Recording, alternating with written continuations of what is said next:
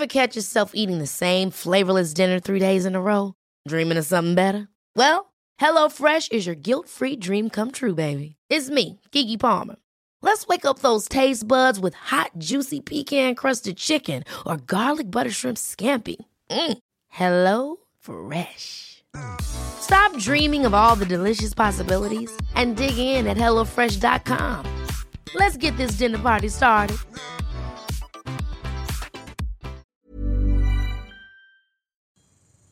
Capek gak sih jadi orang baik?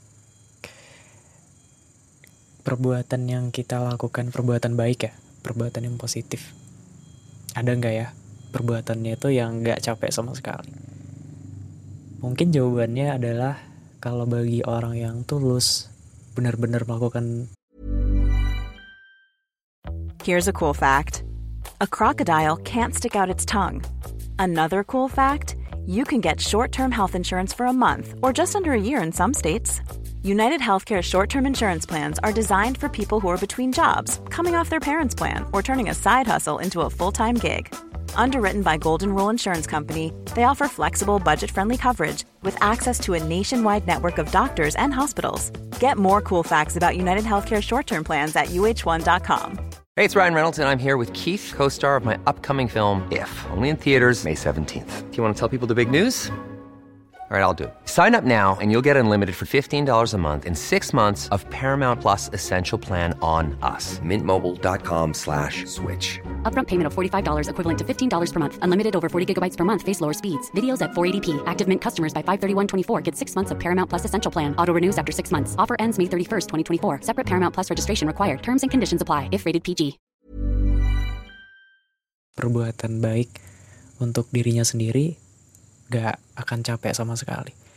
Tapi bagi kita, orang yang pengen banget ngedapetin feedback, ngedapetin hubungan yang timbal balik ketika kita berbuat kebaikan nih, ya kita pengen juga dapat kebaikan yang sama gitu. Dan kita nggak dapet sama sekali, kita bakal ngerasa capek banget, ngerasa, ah, perbuatan aku ini kayaknya sia-sia.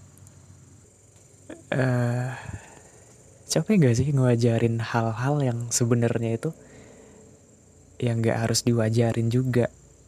Itu tuh basicnya. Semua orang juga pasti paham. Kayak kita ngejaga perasaan orang lain. Tapi mereka tuh gak pernah ngejaga perasaan kita.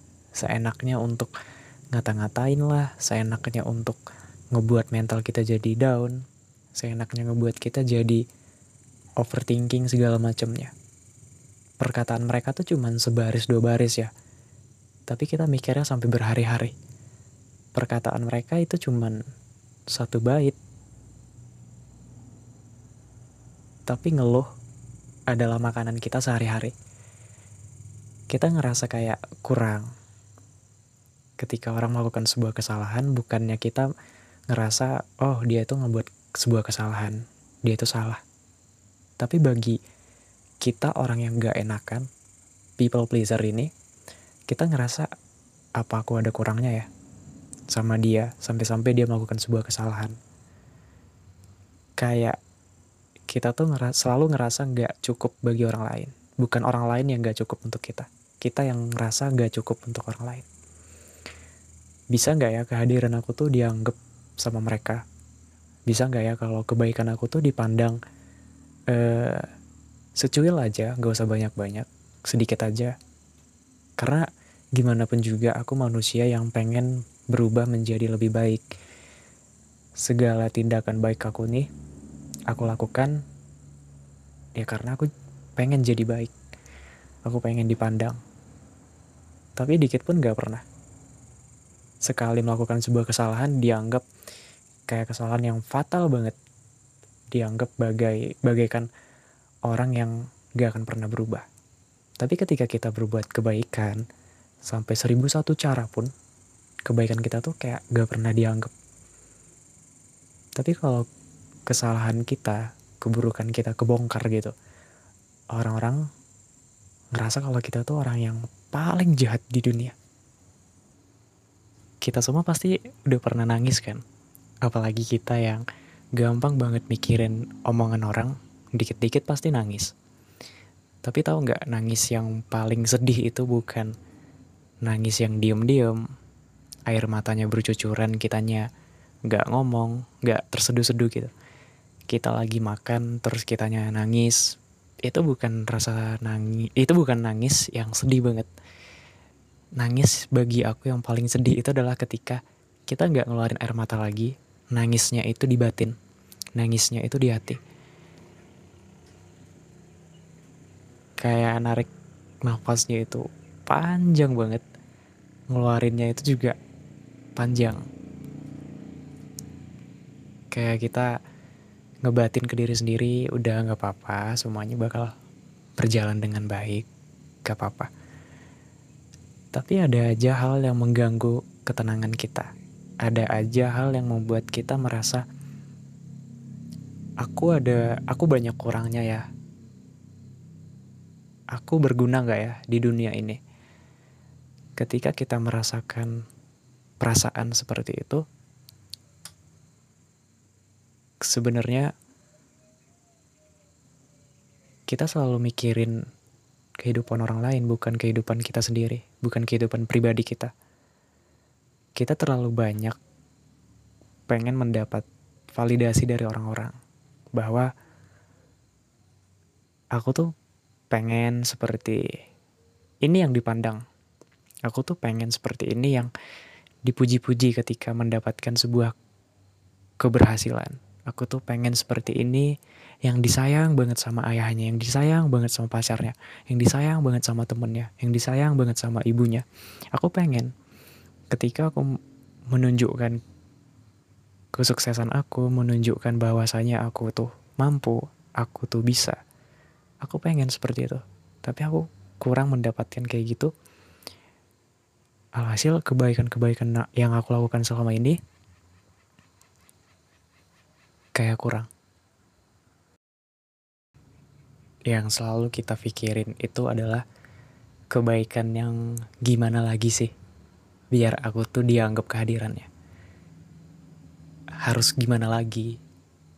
Biar aku tuh mendapatkan apa yang aku mau harus kayak gimana? Apa aku harus melakukan sebuah kesalahan yang begitu besar, yang begitu fatal, biar aku dilirik sama orang lain? Biar aku mendapatkan validasi buruk dari orang lain. Kepercayaan orang-orang yang mulai hilang, orang-orang mulai melirik aku karena aku melakukan sebuah kesalahan, kayak gitu. Tapi selama ini perbuatan baik dari aku yang belajar caranya bagaimana berkata yang sopan, bagaimana caranya um, menghormati mereka, bagaimana caranya menjaga etika, bagaimana caranya um, apa ya, bagaimana caranya ketika kita pengen ngeluarin kata-kata, tapi kita tahan, ada nggak ya kata-kataku yang kurang enak sama dia ketika dia mendengarkan. Ada nggak ya unek-unek aku yang kalau aku keluarin bikin orangnya itu jadi kepikiran nantinya. Kayaknya gak usah dulu, aku tahan aku tahan aja dulu. Nanti kalau aku keluarin bisa-bisa dia nanti overthinking. Ya udah nggak apa-apa, biar aku aja yang mikirin ini. Jadi kayak selama ini kita selalu menganggap bahwa kita tuh sebagai NPC sebagai karakter buatan dan orang lain yang kita perlakukan seperti itu adalah peran utamanya. Kalau kamu sama dengan apa yang aku ceritakan sebelumnya, kita bareng-bareng untuk bertumbuh ya. Kita bareng-bareng untuk memperlihatkan kepada orang-orang bahwa kita sebenarnya mampu. Kita sebenarnya bisa berdiri di atas kaki kita sendiri. Jadi dari sekian banyaknya aku belajar, yang pengen aku kasih tahu ke kalian adalah kalau sama ya, kalau kebaikan yang selama ini kita lakukan tapi kita nggak pernah dianggap, terus berbuat baik, jangan pernah berhenti ya. Sekalipun kita nggak pernah mendapatkan feedback, sekalipun kita nggak pernah mendapatkan apa yang kita inginkan tentang validasi yang selama ini kita inginkan, uh, kita taruh aja itu di nomor paling belakang ya. Jadi kalau jawabannya adalah kita tetap berbuat baik sekalipun kita dijahatin, eh jangan bodoh. Kita harus lepas dari situ. Susah ya untuk kita yang people pleaser ini. Kita yang orang gak enakan gini. Sekalipun kita dijahatin ya kita tetap berbuat baik. Apalagi yang ngejahatin kita adalah koneksi yang terdekat. Entah itu keluarga, sahabat, dan lain sebagainya.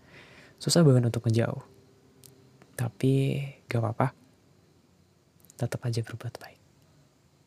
Satu hal yang pengen aku kasih tahu ke kalian adalah ketika kita berbuat baik, hilangkan pandangan kita pengen dianggap seperti ini, kita pengen seperti ini, seperti itu. Berbuat baik aja untuk diri sendiri yang penting kita ada bekalnya. Karena kita udah berbuat baik kita udah menjaga etika kita udah menjaga hubungan kita dengan mereka. Tetap berbuat baik. Kalaupun kamu pengen berubah dari situ harus tetap berbuat baik jangan dibales. Tapi ada batasannya. Kalau emang kamu susah untuk lepas dari situ susah untuk menjauh biarin waktu yang nyembuhin kamu. Ada saatnya kamu bakal sadar, ada saatnya kamu bakal uh, kembali inget bahwa kebaikan kamu tuh harus diberikan ke kepada mereka yang mengharapkan itu. Sama-sama membutuhkan. Sama-sama makhluk sosial. Jangan diberikan kebaikan kamu tadi ke kepada mereka yang egois. Yang ada capek banget kan? Yang ada bikin kita kepikiran berhari-hari. Yang niatnya pengen naikin berat badan, gak bisa. Karena selalu kepikiran. Selalu makan omongan orang. Padahal kita manusia yang makan nasi kan, tapi enggak untuk kita. Kita makannya omongan orang. Gak apa-apa. Kalau berbuat baik, harus untuk diri sendiri ya. Jangan ngarepin berbuat baik itu seperti ini, mendapatkan perhatian kayak gini, uh, mendapatkan validasi seperti ini. Jangan, karena itu yang bikin kita kecewa. Itu yang bikin kita jadi um, jadi susah untuk menerimanya. Segala sesuatu itu emang harus diterima. Kalau kita berbuat baik tapi kitanya nggak mendapatkan itu, ya harus terima. Betul kan? Kalau kita nggak terima, kita bakal sakit hati apalagi ketika takdir Tuhan datang gak sesuai dengan keinginan kita kita malah berontak kita gak terima kita tiap harinya berantem sama Tuhan. Itu bikin kita capek. Tapi alangkah baiknya ketika takdir tadi datang dan kita mulai menerimanya kita mulai sabar. Ya meskipun sabarnya gak tahu sampai kapan tapi tetap sabar itu lebih baik daripada kita harus demo, daripada kita harus unjuk rasa, daripada kita harus maki-maki Tuhan ya. Bikin kita capek banget. Ya harus terima apa pun konsekuensinya, apa pun takdir yang Tuhan beri.